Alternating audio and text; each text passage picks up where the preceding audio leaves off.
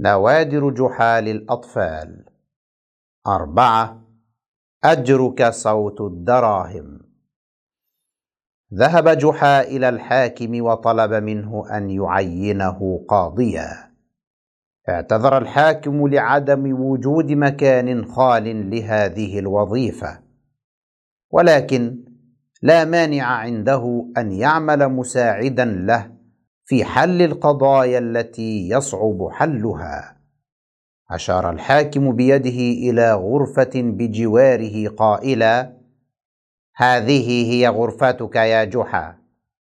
دخل جحا الغرفة وجلس في زاوية منها ووضع صندوقا جعل عليه أدوات كتابية واوراقا كثيرة وثابر على الحضور كل يوم.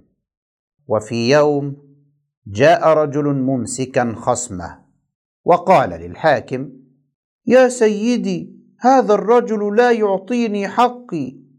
قال الحاكم وما حقك؟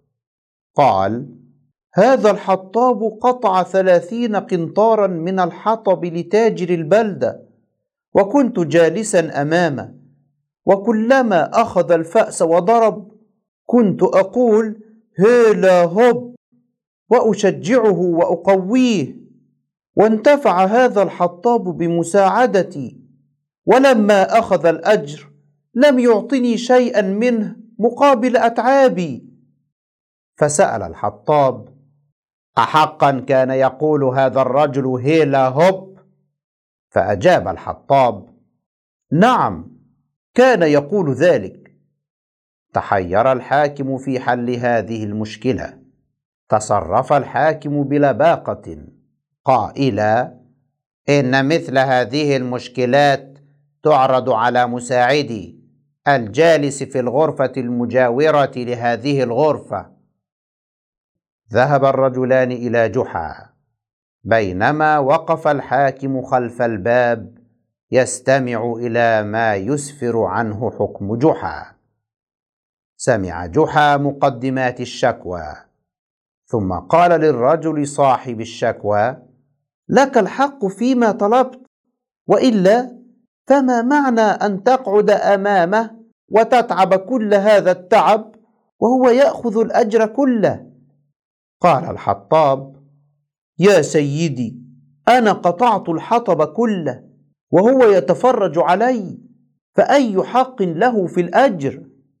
قال جحا اسكت فإن عقلك لا يدرك هذا.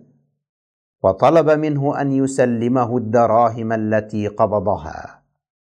أخذ جحا الدراهم كلها من قاطع الحطب وأخذ يعدها وقد رفع يده لتحدث الدراهم عند وضعها رنينا. ولما أتم عد الدراهم قال للحطاب خذ دراهمك. ثم التفت إلى الرجل الآخر قائلا وخذ أنت صوتها.